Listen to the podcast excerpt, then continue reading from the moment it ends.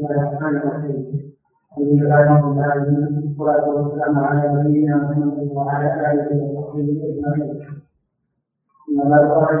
الله تعالى ويذكرون بأنك من الأخلاق ومحاسن الأعمال ويعتقدون على قوله صلى الله عليه وسلم أكمل المؤمنين إيمانا أحسنهم خلقا وينتجون إلى أنهم بما استطاعت وتبقي منكرا وتعفو عن مظالمه ويأمرون بالجد الأرض وهدى الأرحام وحسن الجوار وإحسان الإسلام والمساكين والمسلمين ورزق المملوك وينهون عن الفقر والخيلاء والبغي والاستقرار على الأرض بحق أو بغير حق ويأمرون بالمعاني الأخلاق وينهون عن فيها وكل ما يأمرونه بما يفعلونه من هذا وغيره فإنما فيه مختلفون بالكتاب والسنة نعم.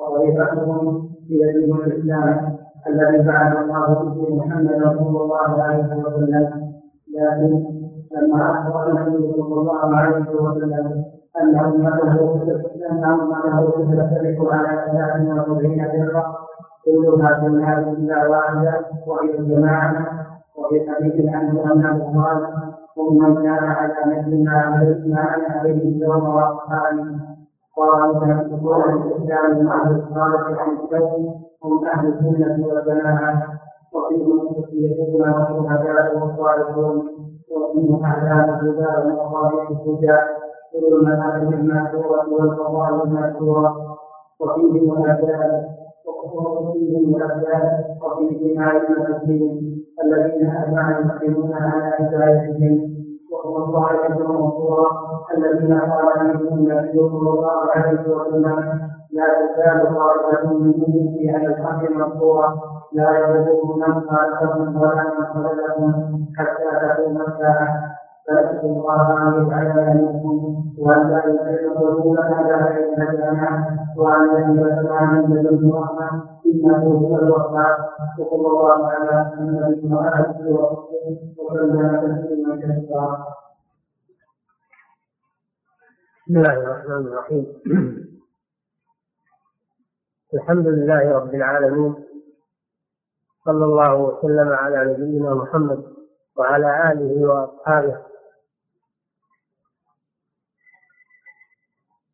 ختم الشيخ رحمه الله هذه العقيدة ببيان صفات أهل السنة والجماعة التي تميزهم عن غيرهم من سائر الفرق.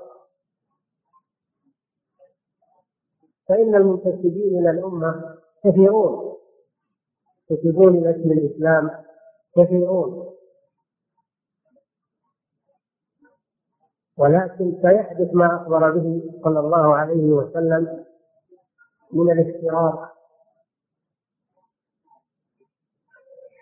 وظهور الفتن. لكن الرسول صلى الله عليه وسلم جعل لأهل السنة والجماعة علامات يعرفون بها من بين هذه الفرق حتى لا يشتبه الأمر ويختلط على الناس فلا يدرون من هو المشق من المبطل من هذه الفرق. كانت الأمة في صدر الإسلام أمة واحدة. قبل أن يجد الخلاف القرون المفضلة الأربعة أو الثلاثة كلها كانت أمة واحدة متميزة ليس بينها فوارق ولا انقسامات وإنما هم كما أخبر النبي صلى الله عليه وسلم خير القرون. وإذا حدث في وقتهم شيء من المخالفات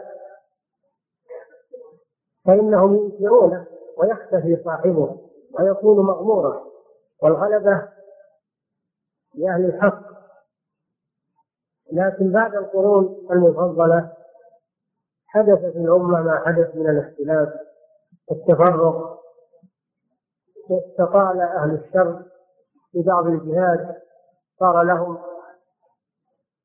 شوكة صار لهم قوله ولكن والحمد لله الحق باق وثابت وأهل الحق ثابتون. وصابرون ولا يتأثر الإسلام بما حدث. فالإسلام في الحقيقة ليس عليه خوف لأن الله حافظ وإنما الخوف على الإنسان. أن ينحرف ويظل مع هذه الفرق فلهذا اهتم الأئمة بهذا الأمر وجلوه وأوضحوه غاية الإيضاح حتى لا يلتبس الأمر ولا يختلف وعلقوا في ذلك مؤلفات مشهورة منها هذه العقيدة التي بين أيدينا الحمد لله على وضوح الحق وبيان الطريق لمن يريد النجاة. قال من صفاتهم أنهم يدعون إلى مكارم الأخلاق ومحاسن الأعمال. أهل السنة والجماعة يدعون يدعون غيرهم إلى مكارم الأخلاق. بعد أن اتصفوا هم بمكارم الأخلاق ومحاسن الأعمال صاروا يدعون الناس إلى ذلك. وهذه من سمات أهل السنة والجماعة. من علاماتهم الفارقة أنهم دائما يدعون الناس إلى الخير. لا يدعونهم إلى مذهب أو إلى طائفة أو إلى منهج أو إلى رئيس وإنما يدعونهم إلى كتاب الله وإلى سنة رسوله صلى الله عليه وسلم. هذه ميزتهم وعلامتهم. كما قال تعالى كنتم خير أمة أخرجت للناس تأمرون بالمعروف وتنهون عن المنكر وتؤمنون بالله. يدعون إلى مكارم الأخلاق. الأخلاق جمع خلق وهو السجية والطبيعة وهو الصورة الباطنة للإنسان. الصورة الباطنة للإنسان هذا يسمى بالخلق. يسمى بالخلق. فإن كانت صورة حسنة فالإنسان له صورتان صورة ظاهرة وهي الجسم وتراتيب الجسم ملامحه وهذه تسمى خلقا خلقا بالخاء المفتوحة.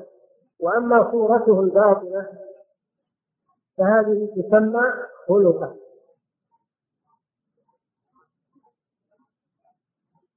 والناس على أربعة أقسام. منهم من حسن خلقه وخلقه يعني حسنت صورته الظاهرة والباطنة. فهذا أكمل الناس. ومنهم من قبحت صورته الظاهرة والباطنة. وهذا يكون أحق الناس وأرذل الناس. من قبحت صورته الظاهرة والباطنة. ومنهم من حسنت صورته الظاهرة دون الباطنة. فصورته وخلقه حسن لكن خلقه سيء والعياذ بالله. هذا مثل الذي قبله. أقبح الناس. قد وصف الله المنافقين لأن لهم صورا جميلة في الظاهر لكن بواطنهم خبيثة وأخلاقهم فاسدة. قال تعالى وإذا رأيتهم تعجبك أجسامهم وإن يقولوا تسمع لقولهم كأنهم خشب مسنة. هذه صفته. هذا من حسنت صورته الظاهرة وقبحت صورته الباطنة. والرابع من قبحت صورته الظاهرة ولكن حسنت صورته الباطنة. وهذا لا يضره وهو السجية والطبيعة. وهي الصورة الباطنة للإنسان. الصورة الباطنة للإنسان هذا يسمى بالخلق يسمى بالخلق. وإن كانت صورة حسنة صار خلقا حسنا وإن صارت صورة سيئة صار خلقا قبيحا. فالخلق هو صورة الإنسان الباطنة. الإنسان له صورتان صورة ظاهرة وهي الجسم وتراكيب الجسم ملامحه وهذه تسمى خلقا. خلقا بالخاء المفتوحة وأما صورته الباطنة فهذه تسمى خلقا.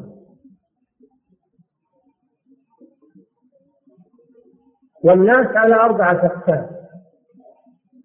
منهم من حسن خلقه وخلقه يعني حسنت صورته الظاهرة والباطنة. فهذا أكمل الناس. ومنهم من قبح صورته الظاهرة والباطنة. وهذا يكون أحق الناس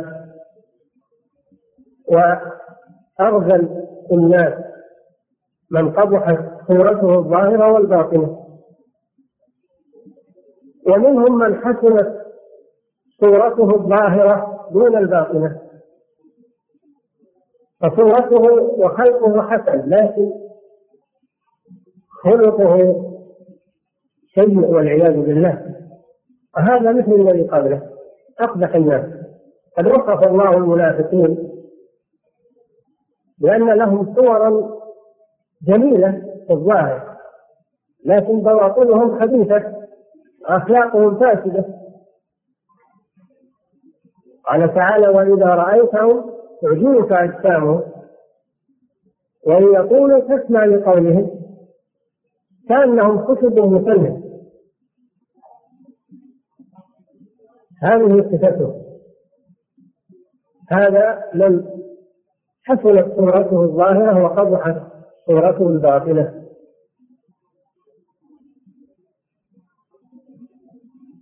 والرابع من قبحت صورته الظاهرة ولكن حسنت صورته الباطنة.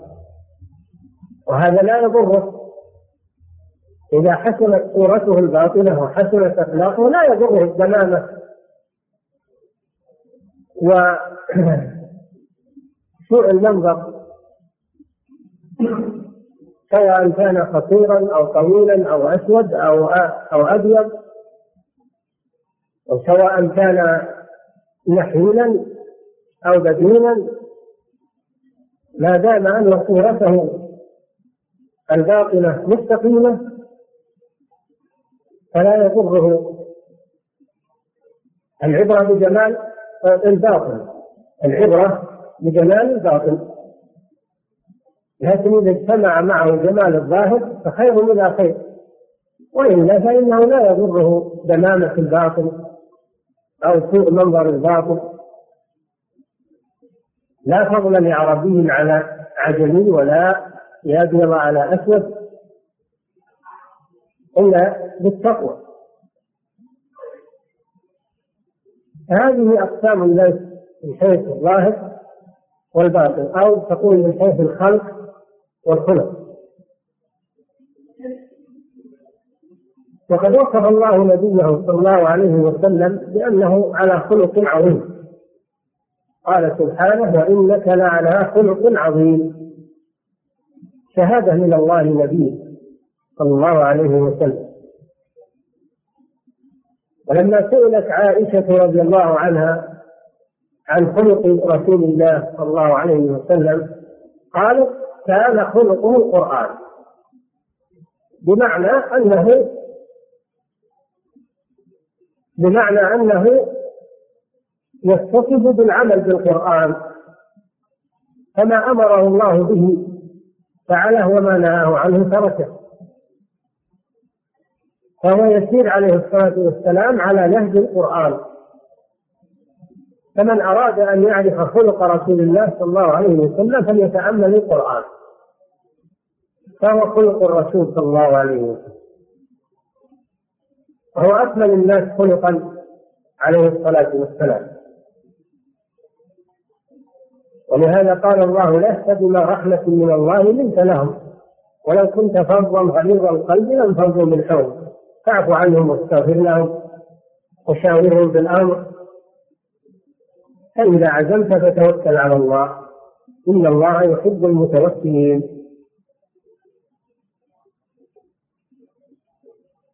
والذي يدعو إلى الله إلى حسن الخلق. لو يدعو إلى الله خلقا يحتاج إلى حسن الخلق. لأنه يدعو الناس بأخلاقه أكثر مما يدعوهم بقوله. فهم ينظرون إلى أخلاقه وعمله أكثر مما ينظرون إلى قوله. فقد يكون الإنسان خطيئا يجيد الكلام ولكنه في العمل ليس بذات. فالذي يدعو إلى الله يحتاج إلى حسن الحكم ولهذا لما بعث النبي صلى الله عليه وسلم أبا ذر أو معاذ أوصاه فقال له اتق الله حيثما كنت وأتبع السيئة الحسنة تمحها وخالق الناس بخلق حسن.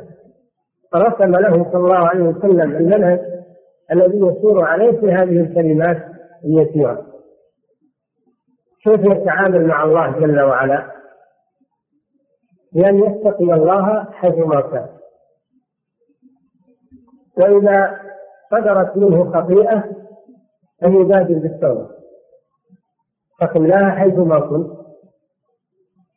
وأتبع السيئة الحسنة تمحوها هذا التعامل مع الله جل وعلا. ثم أرشده كيف يتعامل مع الخلق. فقال وخالق الناس بخلق حسن. وسع لهم قدره وحسن لهم قولك وطيب خواطرهم. ورغبهم في الخير. ودلهم عليه واعنهم عليه. هكذا يكون الداعية إلى الله سبحانه وتعالى.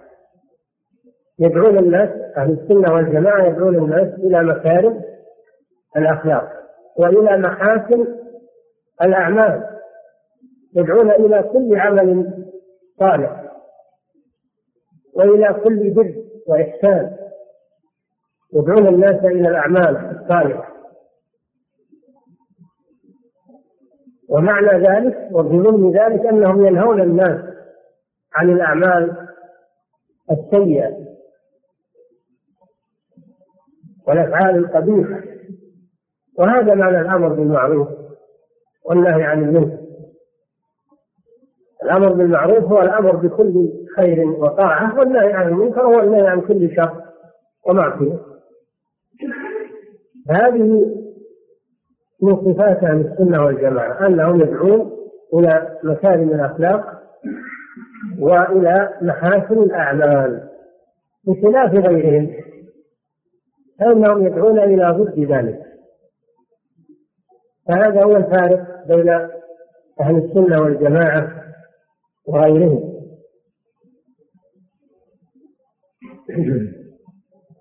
وقد قال الله تعالى لنبيه خذ العفو وأمر بالعرف وأعرض عن الجاهلين خذ العفو وهو ما عفى من أخلاق الناس وأعمالهم. خذ العفو يعني ما زاد عن حاجتهم من الأموال لصرفه في مصالح المسلمين. ولا تكلفهم ما لا يطيقون بل خذ ما طابت به أنفسهم وزاد عن حاجتهم. وأمر بالعرف والمعروف الأمر بالمعروف. في ضمن ذلك النهي عن المنكر. وأعرض عن الجاهلين. إذا حصل من جاهل سوء كلام أو سوء مقابلة مع الداعية إلى الله فإنه يعرض عنه ولا يعيره اهتماما. ولا يلتفت إليه أو يجيب بمثل قوله بل يعرض عنه. قال تعالى وإذا خاطبهم الجاهلون قالوا سلاما. قال تعالى وإذا سمعوا اللغو أعرضوا عنه فقالوا لنا أعمالنا ولكم أعمالكم سلام عليكم لا نبتغي الجاهلين. هذه صفات أهل السنة والجماعة. نعم.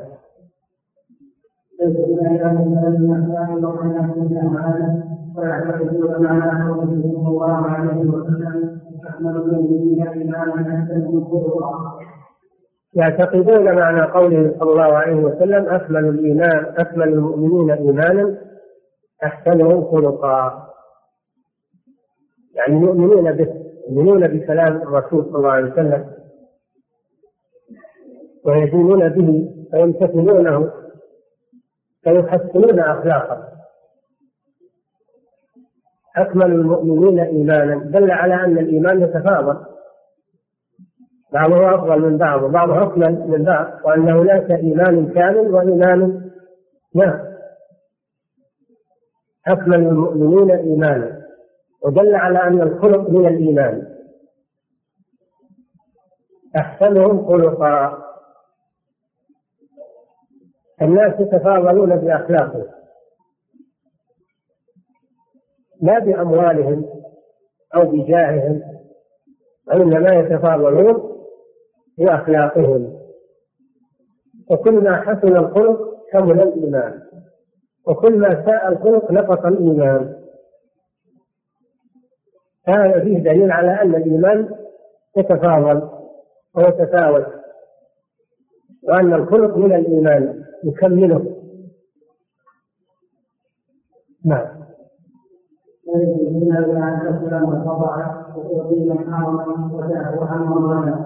ينجبون يعني يطلبون الندب معناه الطلب. يطلبون من الناس هذه الخصال إلى أن أن تعطي من حرمه نعم. أن تصل من قطعك وتعطي من حرمك وتعفو تعفو عمن ظلمك ثلاث صفات أن تعطي من حرمك هذه واحدة. فأنت تبذل العطاء والنفع لإخوانك وإن كانوا هم لا يعطونك شيئا. فليس المسألة مسألة تبادل. المسألة مسألة إحسان. فتعطي من لم يعطي أما إذا إذا كنت لا تعطي إلا من أعطاك فهذه مكافأة ومبادلة ليس لك فيها فضل. هو أعطاك. فأنت تعطيه في مقابل هذا هذا بيع وشراء ليس لك فيه فضل إنما الفضل في من يعطي من حرمه. أن تعطي من حرمه. نعم. وأن تصل من قطع أي بصلة الأرحام فيما بينهم صلة الأرحام من الحقوق التي أوجبها الله سبحانه وتعالى. يجب يجب العمل بها. والأرحام جمع رحم وهي كل من تجمعك به قرابة نسبية من قبل الأب أو من قبل الأم. كالإخوة والأخوات والأجداد والجدات والأعمام والعمات والأخوال والخالات هؤلاء قرابتك واجب عليك أن تصلهم. لأن لهم حقا عليك. ذا القربى حقه. حق الصلة. والصلة تكون بحسب الاستطاعة. بالكلام. بالسلام.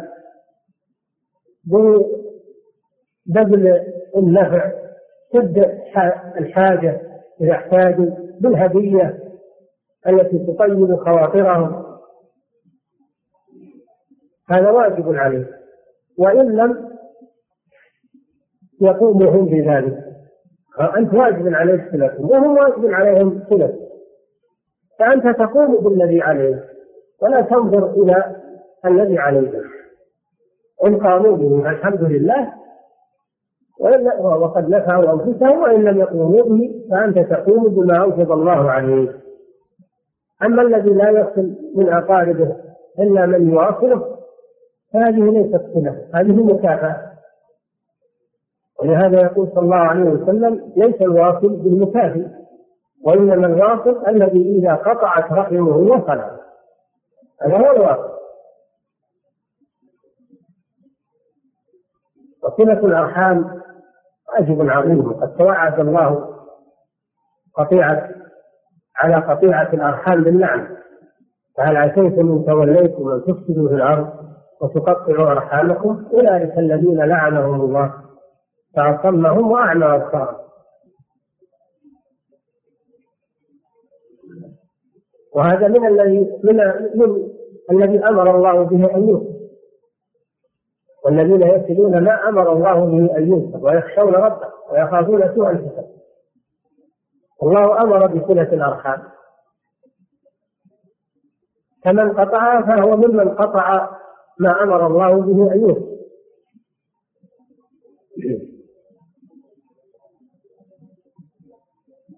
وأن تصل من قطع. وأن تعفو عمن ظلمك هذه فصلها الثالث. أن تعفو عمن ظلمك الظلم محرم. والظلم معناه التعدي على الناس. أو في أعراضهم أو في أبدانهم. الظلم في الأصل وضع الشيء في غير موضعه هذا الظلم. والمراد به هنا التعدي على الناس بغير حق في أبدانهم أو في أعراضهم أو في أموالهم. التعدي عليهم ظلم. الله جل وعلا يقول يا عبادي إني حرمت الظلم على نفسي وجعلته بينكم محرما فلا تظالموا. والظلم ظلمات يوم القيامة. وقد توعد الله الظلمة بأشد الوعيد ولا تحسبن الله غافلا عما يعمل الظالمون. إنما يؤخرهم ليوم تشخص فيه الأبصار. وسيقصص الله جل وعلا للمظلومين من الظالمين. يوم القيامة. وسيعلم الذين ظلموا أي منقلب ينقلبون. فالظالم وإن سلم في الدنيا. إلا أنه لا بد من استيفاء المظالم منه يوم القيامة.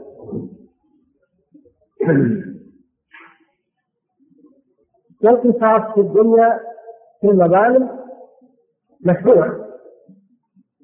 يجوز لك أن تقتص من الظالم إذا قدرت ولم يترتب على الاقتصاد مكتبة الأكبر يجوز لك انك تقتص في النفس تقتص في المال تقتص في العرض. ممن ظلمه على قصاص عدالة. وجزاء سيئات سيئات مثلها. على قصاص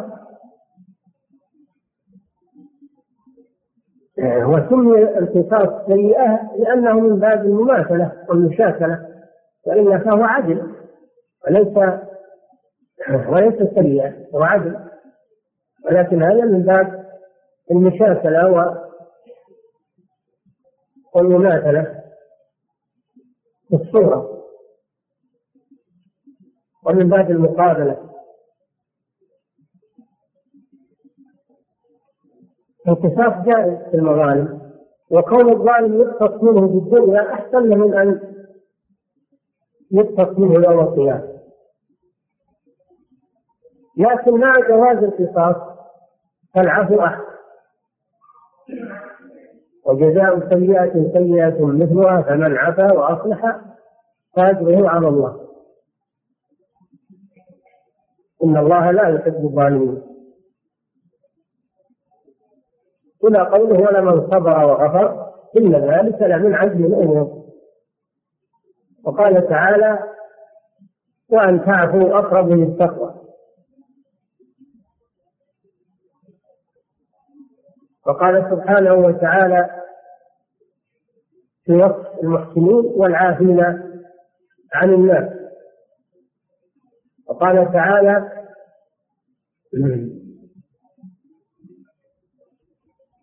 إن تبدوا خيرا أو تخفوه أو تعفو عن سوء فإن الله كان عفوا قديرا.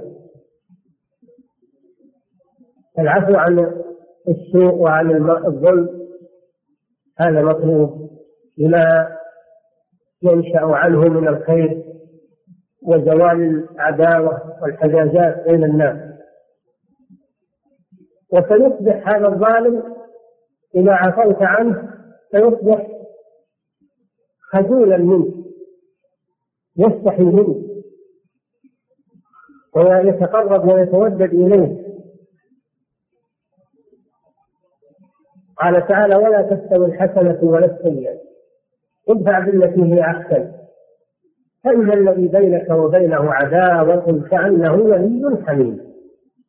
يصبح من عدو إلى ولي بسبب العفو والإحسان. وهذا من سمات أهل السنة والجماعة. وأنهم يعملون بذلك في أنفسهم وينجزون ينجزون إليه.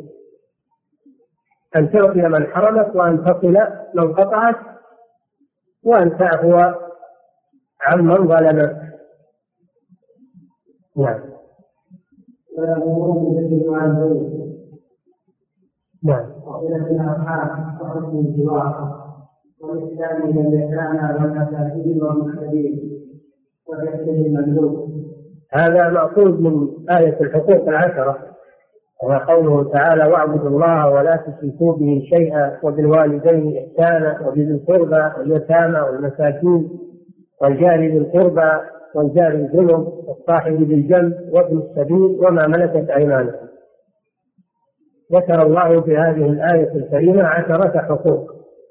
أولها حقه سبحانه وتعالى. واعبدوا الله ولا تشركوا به شيئا. هذا حق الله الذي خلق الخلق من أجله. وما خلقت الجن والإنس إلا ليعبدون. ثم بعده حق الوالدين. وبالوالدين إحسانا. أي وأحسنوا بالوالدين إحسانا. لأن أعظم محسن عليك بعد الله هم الوالدان. أعظم محسن عليك من الخلق بعد الله جل وعلا وبعد رسوله صلى الله عليه وسلم هما الوالدان. اللذان ربياك وصبر عليك وتحمل المشقة في تربيتك والدتك حملت في بطنها وأرضعتك من ثديها وأشفقت عليك وحنت عليك وقدمتك على نفسها. ووالدك يكد ويكدح من إنفاق عليك وإغنائك عن الحاجة. ويحميك من الأذى ويدافع عنك. فالواجب عليك إذا قدرت أن ترد هذا الجميل وأن تحسن إليهما إذا لا سيما إذا احتاج إليك في الكبر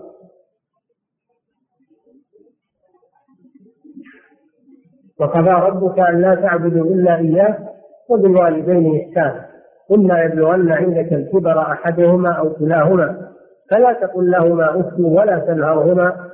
وقل لهما قولا كريما واخفض لهما جناح الذل من الرحمة. وقل رب ارحمهما كما ربياني صغيرا. هذا حق الوالدين. على الولد الإحسان بالقول وبالفعل. وعدم الإساءة إليهم. حتى ولا بالتأخر وهو الكلام الذي فيه توجه أو يرفع صوته عليهما لأن مقابل الإحسان إلى الوالدين العقوق والعقوق من كبائر الذنوب والعياذ بالله. من كبائر الذنوب. وهذه مسألة يغفل عنها كثير من الشباب اليوم. يزعم انه يطلب العلم وانه يدعو إلى الله ولكن لا يلتفت إلى والديه ولا يعيرهما اهتماما.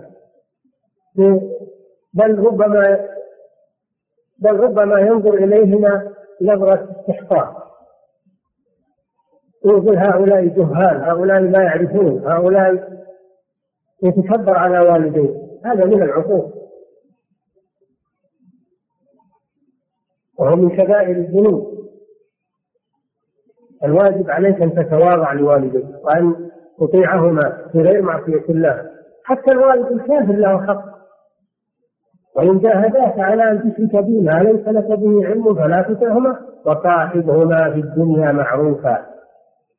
صاحبهما في الدنيا معروفا. أحسن إلى والدك الكافر. بالمعروف.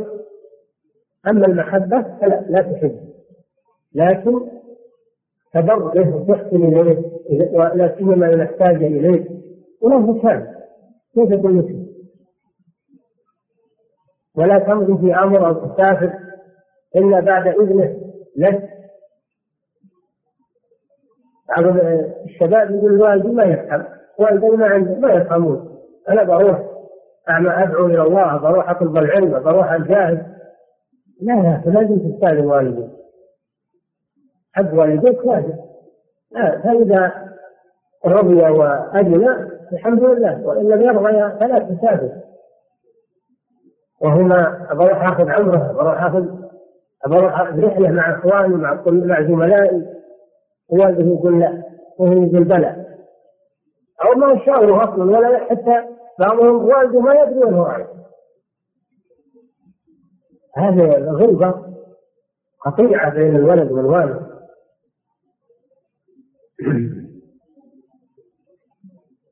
هذا الحق الثاني الحق الثالث بدون قرب. حتى قبل أن يغادر حق الوالدين يظن بعض الناس أن حق الوالدين بس في حال الحياة. أما إذا مات ليس له محرم. لا حق الوالدين له حتى بعد الموت. البر بهما باق؟ بالدعاء لهما والصدقة عنهما والاستغفار لهما. والحج والعمرة عنهما. وسداد الديون إذا كان عليهما ديون يسدد عنهما. إذا كان لهما أصحاب صبر بأصحابهما. كل هذا مما أوصى به النبي صلى الله عليه وسلم من بر الوالدين بعد وفاتهما. أن تصلي لهما مع صلاتك. بمعنى أنك تدعو لهما إذا دعوت لنفسك هذا معنى الصلاة. وأن تحسن إلى صديقهما. الذي كان يحبانه في حال الحياة لأن هذا إحسان إلى الوالدين. وأن تصل الرحم التي من قبلهما. هذا من بر الوالدين. إذا وصلت بإخوتك وأخواتك وأخوالك وخالاتك وأعمامك وعماتك فهذا من بر الوالدين.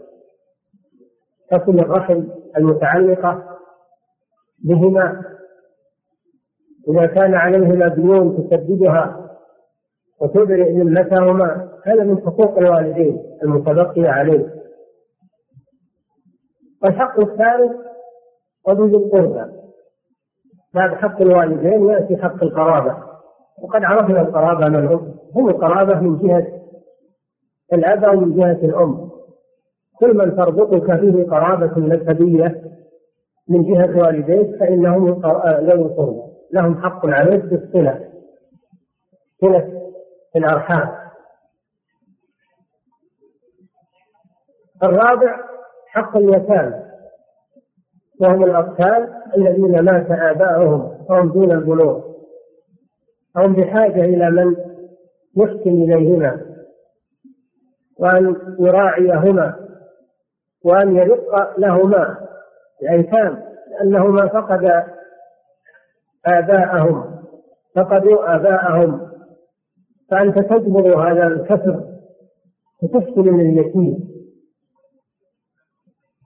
بالقول وبالعمل له حق عليك حق واجب أو تبرع حق واجب.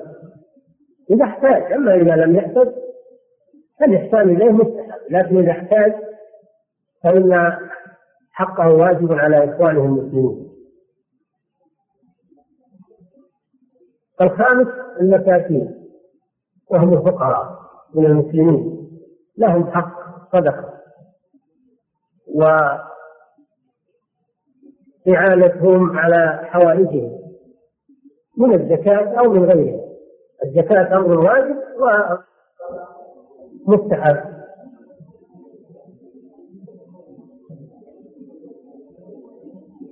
والجار بالقربى والجار الجنوب حق الجار وهو من يسكن إلى جوارك بيته بجوار بيتك أو أو بيته قريب من بيتك ولا لم يكن منافقا.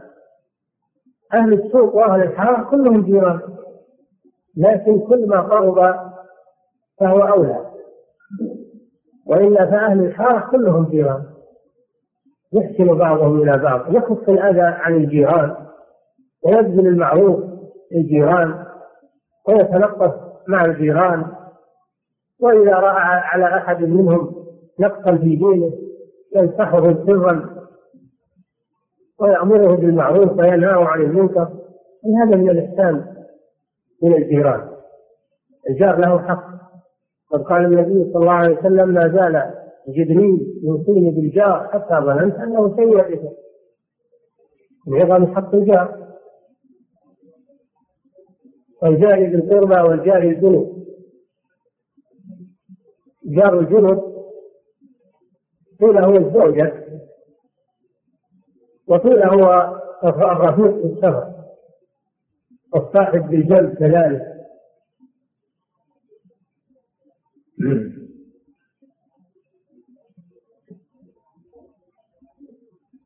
وجار الجنب وما ملكت ايمانه مراد به الأرقة. الذين تملكهم من بني آدم. تحسن إليهم ولا تتجبر أو تكلفهم ما لا يطيقون أو تغلب عليهم. لأنهم مماليك تحت يدك. ضعفاء. فأحسن إليهم. يطعمه مما يطعم ويلبسه مما يلبس ولا يشق عليه في العمل. بل يحسن إليه وحتى البهائم المماليك من البهائم إذا كان عندك بهائم تملكها يجب عليك أن تحسن إليها بأن توفر لها ما تحتاج إليه من الماء والعلف وأن تهيئ المكان المناسب لها لإيوائها في الليل وأن تعالجها إذا احتاجت إلى علاج. هذا من الإحسان. حتى إلى البهائم داخلة فيما ملكت أيمانك. فهذه آية الحقوق العشرة أهل السنة والجماعة يعملون بهذه الآية و يطبقونها كما أمر الله سبحانه وتعالى. هذا من صفات أهل السنة والجماعة. نعم.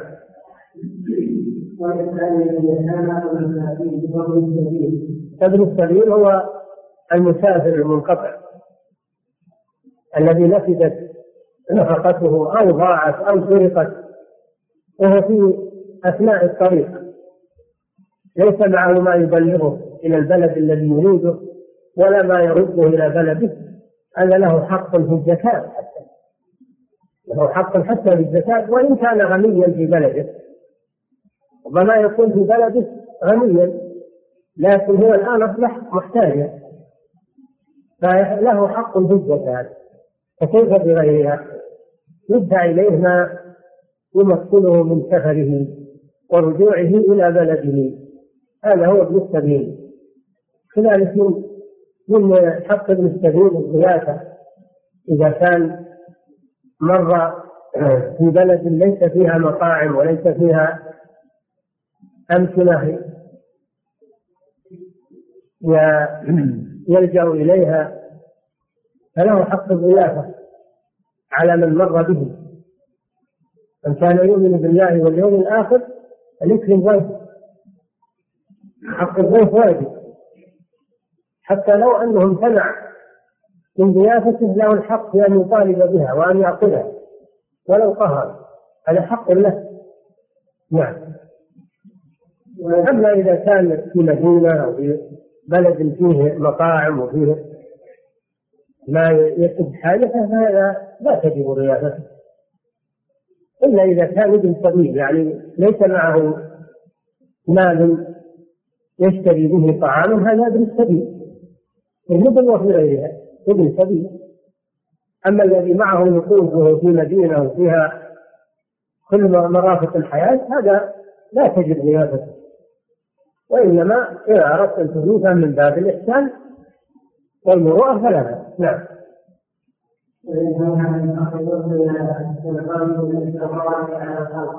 لما ذكر اتصافهم بالصفات الطيبة والأخلاق الكريمة ذكر أنهم يبتعدون عن الصفات الجميلة المضادة لهذه الصفات الكريمة. ينهون عن الفخر. والخيلاء الفخر هو التعاظم بالأنساب أو بالعلم أو بالمال. إذا الواجب عليه أن يشكر الله على هذه النعم وأن لا تزيده هذه النعم إلا تواضعا. إلا تواضعا واعترافا بفضل الله سبحانه وتعالى. أما إذا حملته على التفاخر والتعاظم على الناس فهذا مذموم لا سيما الفخر بالانساب والطعن في الاحساب فهما من أمور الجاهليه كما أخبر النبي صلى الله عليه وسلم. فالفخر هذا منهي عنه لأنه يبعث على احتقار الناس وإعجاب الإنسان بنفسه. والخيلاء الكبر الخيلاء معناه الكبر انه يتكبر على الناس.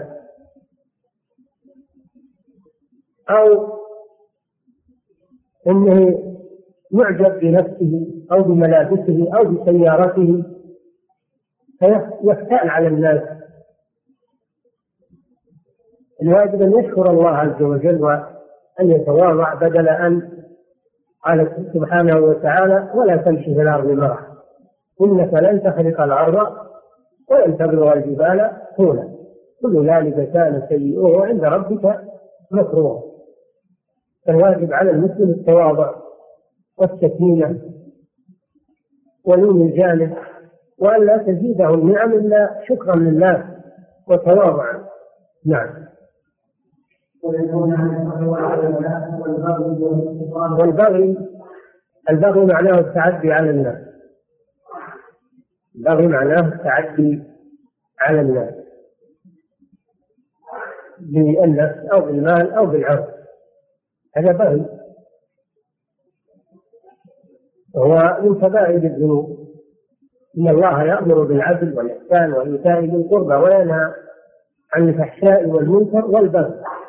يعظكم لعلكم تذكرون. البغي من كبائر الذنوب وهو التعدي على الناس بغير حق. الإنسان يكف يده ويكف لسانه. يكف يده ويكف لسانه عن الناس فلا يبغي عليهم. فلا يتعدى عليهم بغير حق نعم. والاستطالة على الخلق حق أو غير حق؟ والاستطالة على الخلق. بأن يؤذي الناس بأن يؤذي الناس ويتكبر عليهم ويرى أن له فضلا عليهم. هذا من الاستطالة يرى أنه أطول من غيره وأرفع من غيره. هناك ما هو أطول منك وأعظم منك وهو الجبال. إنك لن تبلغ الأرض لن تخلق الأرض ولن تبلغ الجبال. طولا أنت مخلوق ضعيف.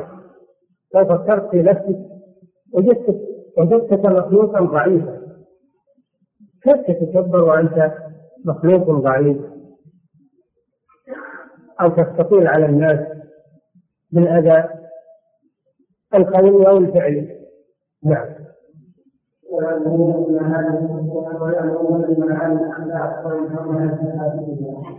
أهل السنة والجماعة يأمرون بمعالي الأخلاق. كل خلق جميل وكريم يأمرون به. هذه قاعدة عامة بعد أن ذكر التفاصيل والأمثلة أجمل. فقال يأمرون بمعالي الأخلاق يعني كل خلق جميل كل خلق كريم يأمرون به. وينهون عن سفسافها أو تفاسفها والسفساف هو الشيء السافل الساقط. فالأمور الساقطة من الأخلاق ينهون عنها. ينهون عن كل خلق جميل الكذب والغيبة. هذه من السفاسف والأمور والغيبة والنميمة وفعل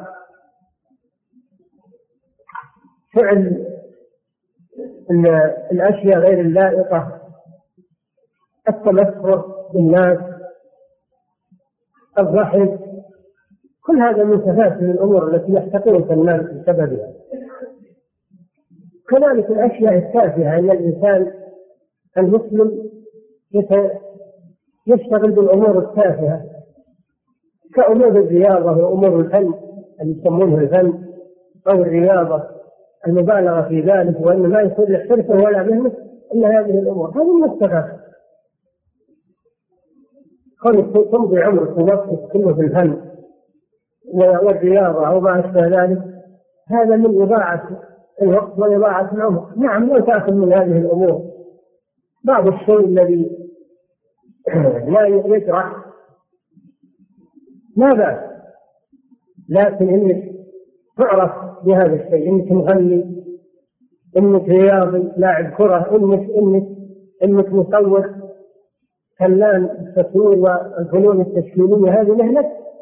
هذا من السفاهه أنت مؤمن. أكرم على الله من انك تشتغل نعم هذا وعليه بينما من فيهم نعم كل ما يقولونه ويفعلونه من هذا الذي ذكره الشيخ الذي هو الاتصاف بهذه الصفات الجميلة والتخلي عن هذه الصفات الرذيلة. كل مأخوذ من الكتاب والسنة. الكتاب والسنة تضمن كل ما يحتاج إليه البشر وكل ما يصلح البشر في دينهم ودنياهم وآخرتهم. الكتاب والسنة كفيلان بكل هذه الأمور.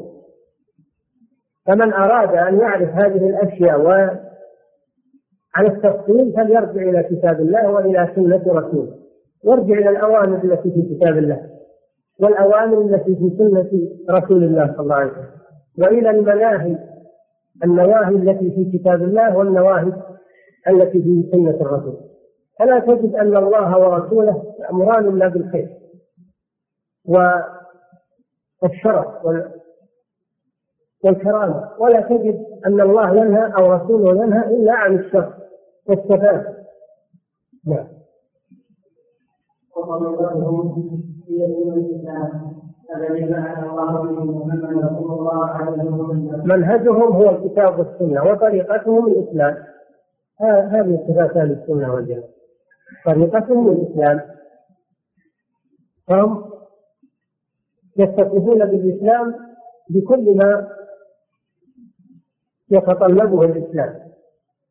ومنهجهم ومرجعهم ومصدرهم كتاب الله وسنة رسوله صلى الله عليه وسلم. فلا يرجعون إلى قول فلان أو علان أو إلى عادة البلد الفلاني أو أو الدولة الفلانية أو عادة الآباء والأجداد وإنما يرجعون إلى كتاب ربهم وسنة نبيهم صلى الله عليه وسلم ويتمسكون بدين الإسلام. نعم. لكن كما اخبر النبي صلى الله عليه وسلم ان امامه تختلف على ثلاث وسبعين فرقه كلها في النار الا واحدة وهو الجماعه وفي حديث عنه انه قال ثم كان على مثل ما أنا عليه اليوم واصحابه صاروا ينقضون بالاسلام المعنى الخارج عن والجماعه أشرنا إلى أن المسلمين في الصدر الأول والقرون المفضلة كانت هذه صفاتهم كانت هذه صفاتهم مرجعهم الكتاب والسنة وطريقهم هو الإسلام. وكانوا خير القرون وأفضل الأمم. ولكن أخبر النبي صلى الله عليه وسلم أنه سيحدث افتراق بعد القرون المفضلة. وأنه لا يبقى على ما كان عليه. صاروا ينقضون بالإسلام المعنى الخارج عن أشرنا إلى أن المسلمين في الصدر الأول والقرون المفضلة كانت هذه صفاتهم كانت هذه صفاتهم مرجعهم الكتاب والسنة وطريقهم هو الإسلام. وكانوا خير القرون وأفضل الأمم. ولكن أخبر النبي صلى الله عليه وسلم أنه سيحدث افتراق بعد القرون المفضلة. وأنه لا يبقى على ما كان عليه الصدر الأول إلا أهل السنة والجماعة فرقة واحدة فرقة واحدة من ثلاث وسبعين فرقة. ثلاث وسبعين فرقة. تفترق في الإسلام. كلها في النار إلا واحدة وهي التي بقيت على ما كان عليه الصدر الأول من الصحابة والتابعين وأتباع التابعين والقرون المفضلة. هم من كان على مثل ما أنا عليه اليوم وأصحابه.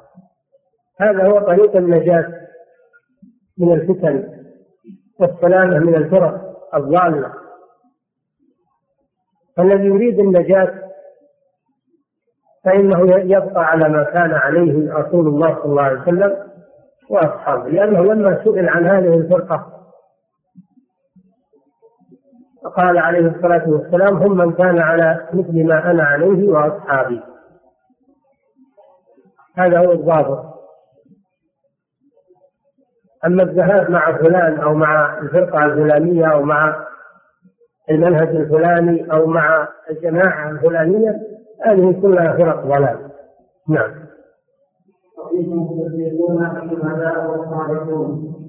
في أهل السنة والجماعة فيهم الصديقون والشهداء والصالحون. هذه الفرقة فيها الخير كله. فيها الخير كله فيهم الصديقون. والصديقون جمع صديق وهو كثير الصدق والتصديق الذي لا يعرف الكذب وليس عنده كذب. هذا هو الصديق. وأول صديق في هذه الأمة هو أبو بكر رضي الله تعالى عنه الذي لقب بالصديق. وصفه النبي صلى الله عليه وسلم بأنه الصديق والشهداء وهم الذين قتلوا في سبيل الله لإعلاء كلمة الله. هؤلاء هم في هذه الفرقة في هذه الأمة. سائر المسلمين المستقيمين على دين الله. فهذه طبقات هذه الأمة أعلاها الصديقون. الصديقون بعد الأنبياء.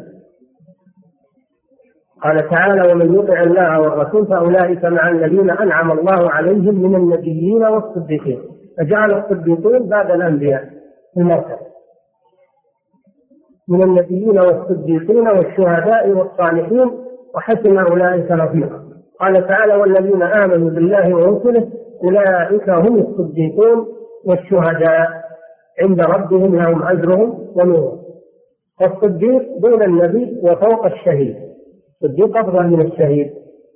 لأن الله رفعه وذكره قبل الشهداء. وهم في هذه الأمة.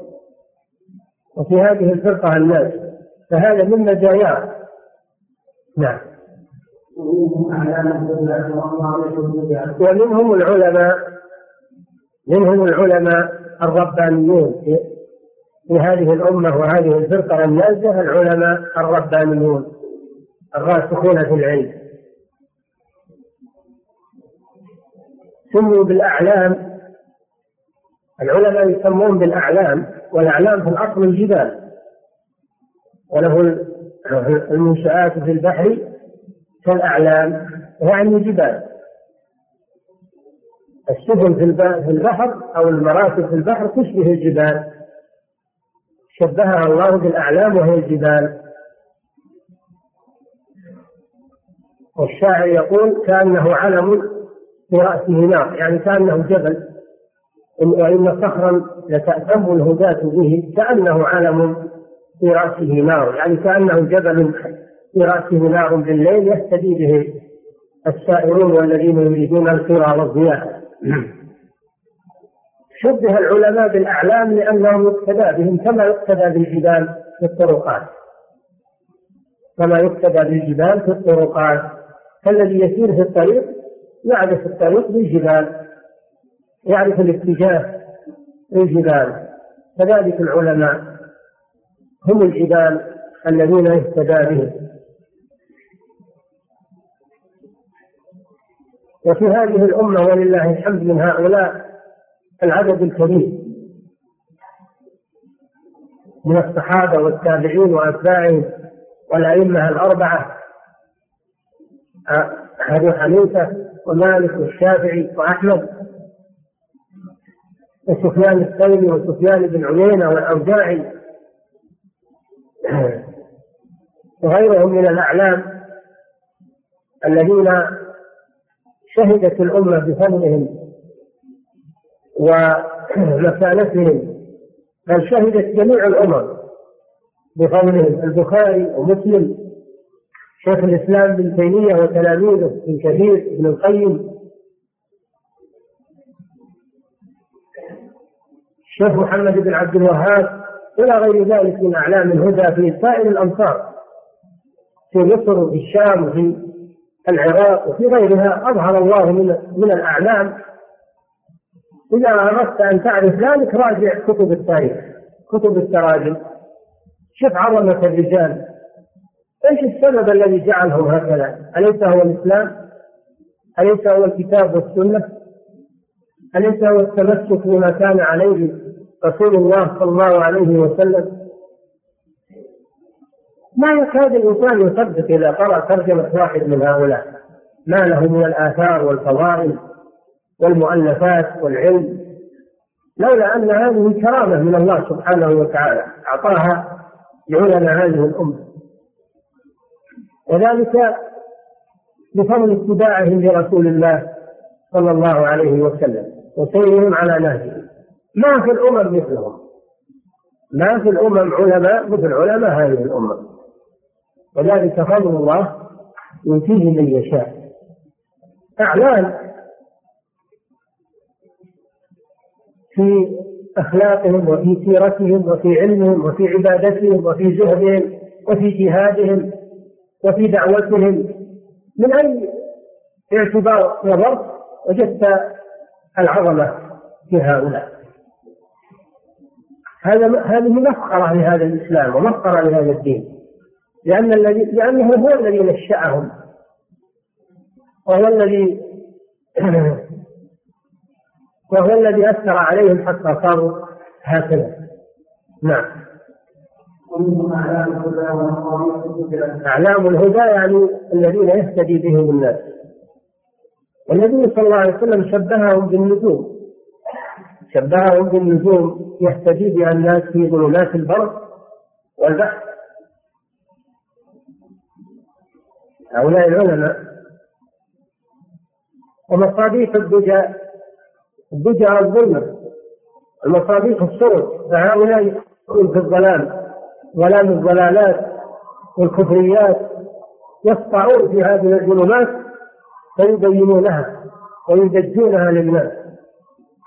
الله شبه نبيه صلى الله عليه وسلم يا أيها النبي إنا أرسلناك شاهدا ومبشرا ونذيرا وداعيا إلى الله بإذنه وسراجا منيرا. كذلك أتباعه من هؤلاء العلماء هم سرب ينيرون للناس الطريق ويهدونهم إلى الجنة. فبدون العلماء تهلك الأمة ولكن الله برحمته أوجد ولا يزال يوجد في هذه الأمة من العلماء من تقوم به الحجه ويدعو إلى صراط الله. المستقيم وهذا فضل الله على هذه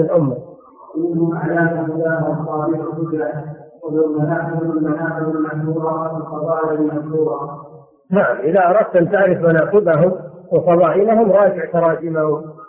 في كتب التاريخ والسير تجد العجب العجاب.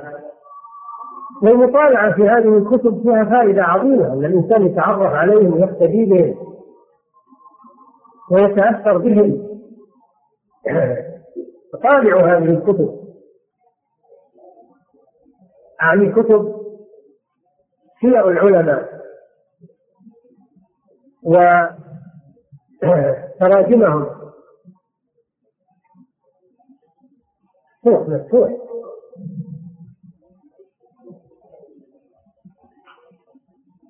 مفتوح مفتوح. لازم تفتح. لا.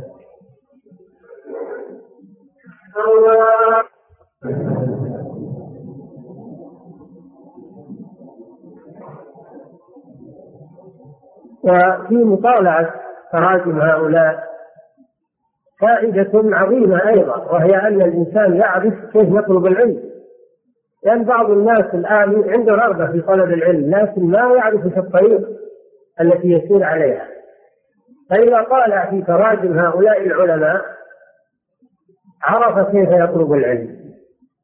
ينظر كيف نشأوا وكيف طلبوا العلم وكيف تدرجوا وكيف تأدبوا مع مع معلميهم وأخذوا عنهم العلم وكيف صبروا.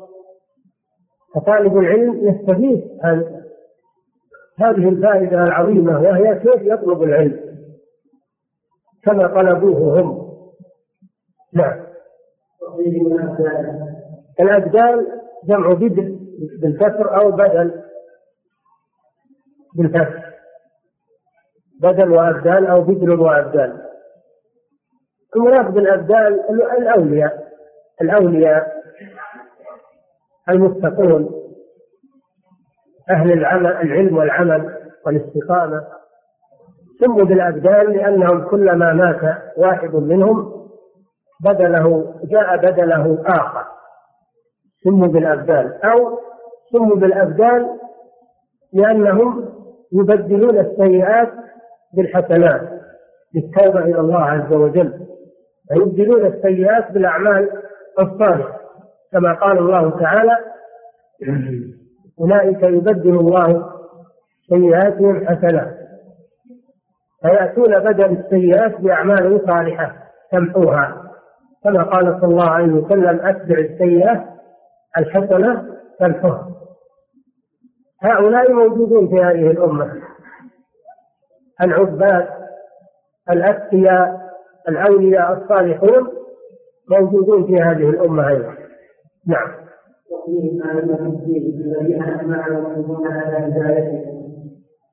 فيهم أئمة الدين الذين أجمع المسلمون على هدايتهم ودرايتهم. مثل الأئمة الأربعة الذين بقيت مذاهبهم مدارس فقهية سنية تدرس ولله الحمد في مشارق الأرض ومغاربها هذه شهادة لهم. أجمع المسلمون على عدالة هؤلاء الأئمة الأربعة وأقبلوا على مذاهبهم.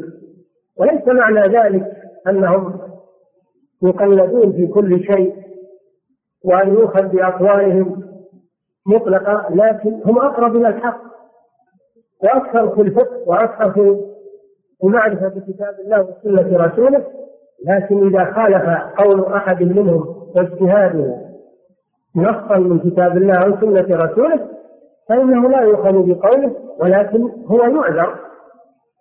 له عذره؟ إما لأنه لم يبلغه الدليل أو أنه بلغه ولم يصح عنده. أو أنه رأى أن الدليل يحتمل معنى آخر أو أنه منسوخ اطلع على أنه منسوخ وغيره ما اطلع على ذلك. فلهم أعذارهم رحمهم الله. ومن أراد أن يعرف مجمل هذه الأعذار باختصار فليراجع رسالة رفع الملام عن الأئمة الأعلام لشيخ الإسلام ابن تيمية.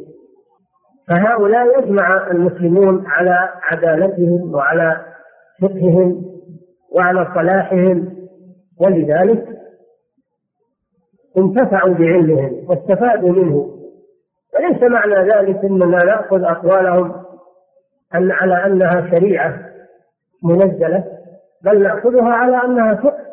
مأخوذ من الكتاب والسنة فإن وافق الحمد لله وإن خالف وقل ما يخالف. فاننا نترك المخالفه وناخذ بالصواب. ولا نتقيد بمذهب أحمد أو مذهب مالك أو مذهب الشافعي أو مذهب أبي حنيفة بل نأخذ ما قام عليه الدليل.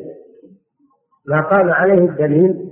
فالحنبلي يمكن يأخذ بقول الشافعي إذا صار الدليل مع الشافعي. الشافعي يأخذ بقول الحنفي إذا كان الدليل مع الحنفي. وهكذا. انما يستفيدون من هذا الفقه. طريقة التفكر وطريقه الاستنباط وتفسير النصوص يستفيدون هذه الأمور. وإلا فهم ليسوا معصومين وهم يحذرون من أن يؤخذ بأقوالهم بدون عرض على كتاب الله وسنة رسوله صلى الله عليه وسلم.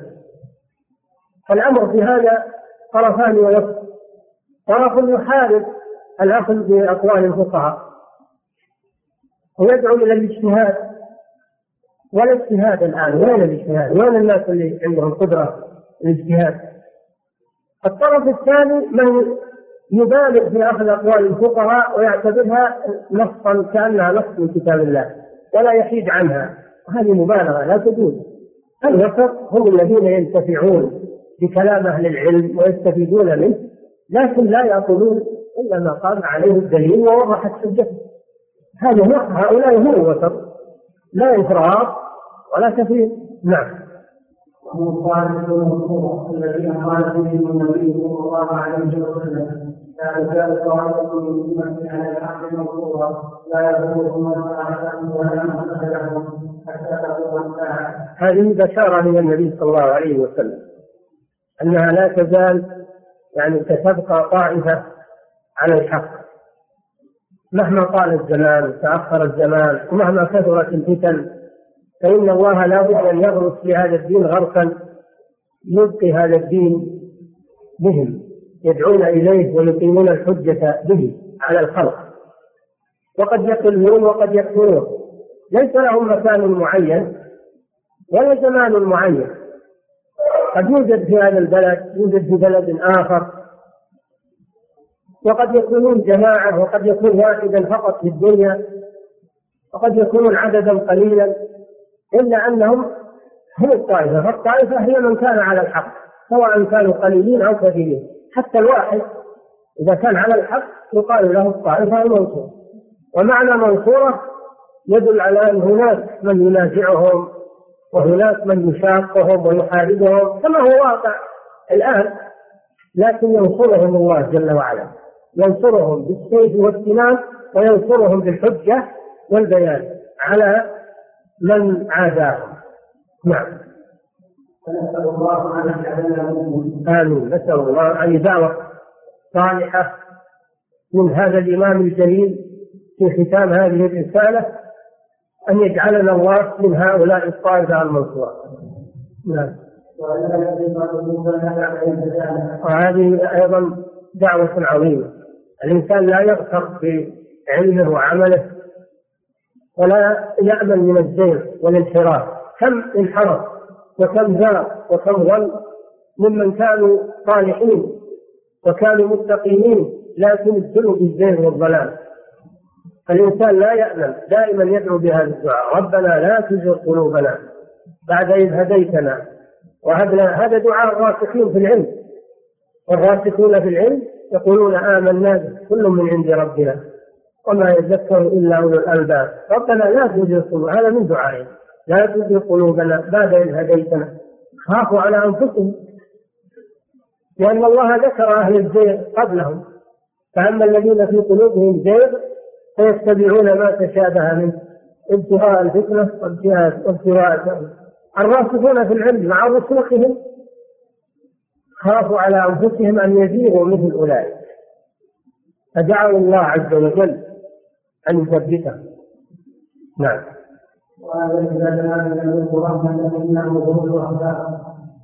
وأن يهب لنا من لدنه رحمة إنه هو الوهاب سبحانه وتعالى. هذا من تمام دعاء الراسخين.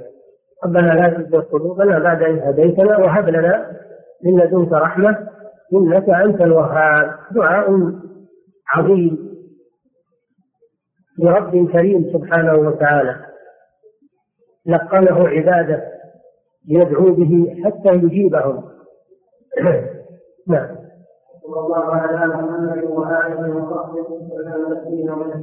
ختم الرسالة كما بدأها بالصلاة على الرسول صلى الله عليه وسلم الذي بعثه الله رحمة للعالمين فبلغ الرسالة وأدى الأمانة ونصح الأمة. وجاهد بالله حق جهاده وأكمل الله به الدين. وصلوات الله وسلامه عليه. صلاة وسلاما دائمة إلى يوم يبعث. والحمد لله رب العالمين.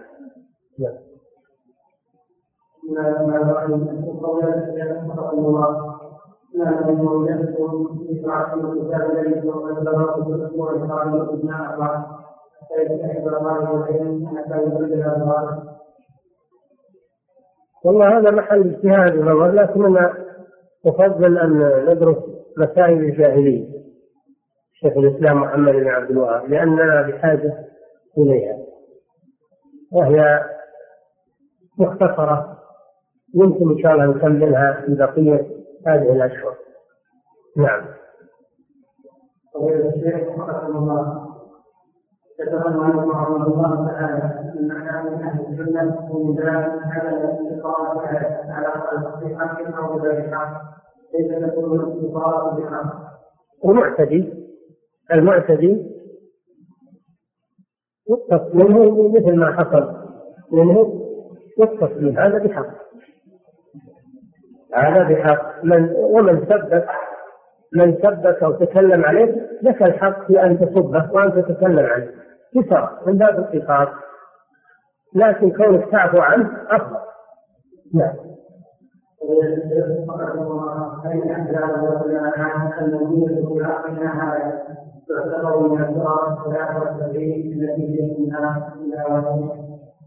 الرسول صلى الله عليه وسلم أعطانا الضابط في هذا. من كان على مثل ما عليه صلى الله عليه وسلم هو وأصحابه فهو من الفرقة الناجية. ومن خالف ما كان عليه الرسول صلى الله عليه وسلم فهو من هذه الفرق. فينظر إلى هذه الجماعات وما هي عليه وما تدعو إليه ويحكم عليها من خلاله. نعم.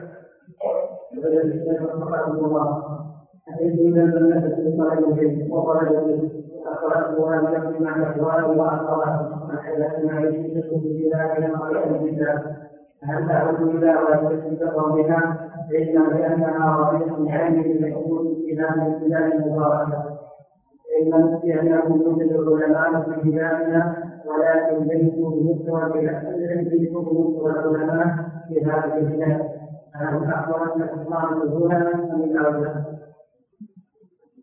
إذا كان عند أم أمك من يقوم بحاجتها من إخوانك ويخدمها وقد أذنت لك السفر لطلب العلم وطلب فلا حرج عليه لا حرج عليه في ذلك. نعم.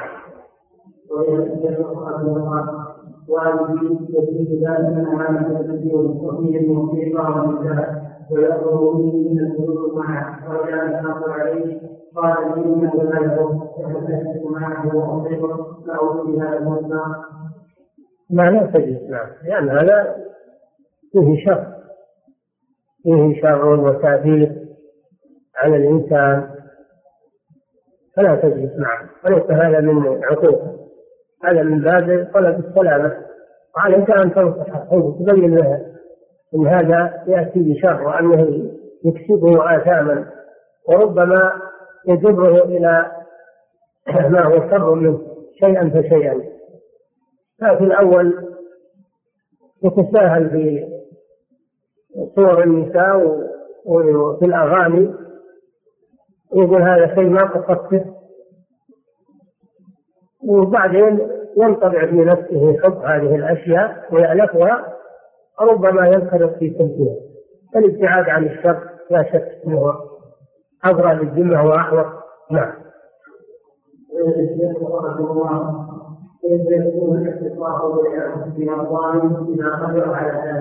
الكلام إذا تكلم عليك تكلم عليه. إذا تكلم عليه بالسباب فمن حقه انك ترد عليه بالمثل. ترد عليه بالمثل هذا القصاص. وكون التعفو عنه أحسن. نعم.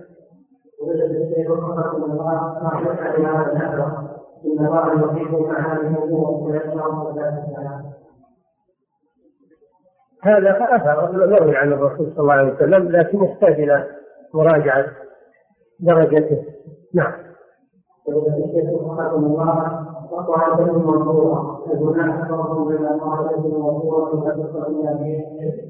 أبدا فرقة الناجية هي الطائفة المنصورة وهم أهل السنة والجماعة. ولا فرق بينهما أحد من أهل العلم لا قديما ولا حديثا. ما سمعنا أحد من أهل العلم المعتبرين فرق بين الطائفة المنصورة والفرقة الناس. هم هم.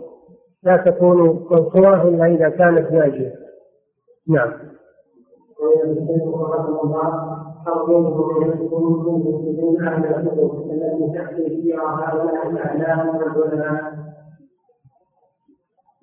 البداية والنهاية لابن كثير وسير أعلام النبلاء للإمام الذهبي والصحابة الخصوص فيه الإصابة لابن حجر في تراجم الصحابة وفيه الاستيعاب في تراجم الأصحاب بن عبد البر وفيه أسد الغابة في تراجم الصحابة لابن الأثير. هذه فيها تراجم الصحابة.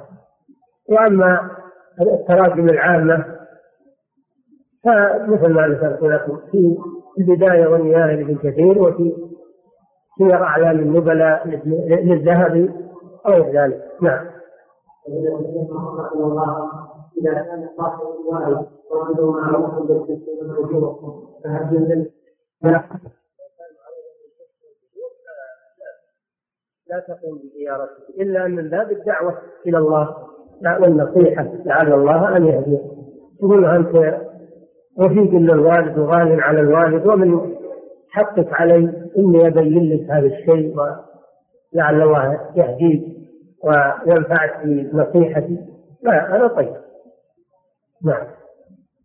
الله تعالى أعلم وصلى الله وسلم على نبينا محمد وعلى آله وصحبه أجمعين. تبقت في مادة هذا الشريط متسع أكملناه بالمادة التالية.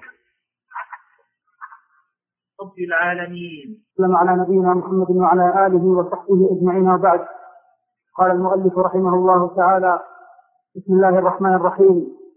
أسأل الله الكريم رب العرش العظيم أن يتولاك في الدنيا والآخرة وأن يجعلك مباركا أينما كنت وأن يجعلك ممن إذا أعطي شكر وإذا ابتلي صبر وإذا أذنب استغفر. فإن هؤلاء الثلاث عنوان السعادة. اعلم أرشدك الله لطاعتك. أن الحنيفية ملة إبراهيم. أن تعبد الله وحده مخلصا له الدين. كما قال تعالى وما خلقت الجن والإنس إلا ليعبدون فإذا عرفت أن الله خلقك لعبادته فاعلم أن العبادة لا تسمى عبادة إلا مع التوحيد. كما أن الصلاة لا تسمى صلاة إلا مع الطهارة. فإذا دخل الشرك في العبادة فسدت الحدث إذا دخل في الطهارة. فإذا عرفت أن الشرك إذا خالط العبادة أفسدها وأحبط العمل وصار صاحبه من الخالدين في النار. عرفت أن أهم ما عليك معرفة ذلك لعل الله أن يخلصك من هذه الشبكة. وهي الشرك بالله الذي قال الله تعالى فيه إن الله لا يغفر أن يشرك به ويغفر ما دون ذلك لمن يشاء وذلك لمعرفة أربع قواعد ذكرها الله تعالى.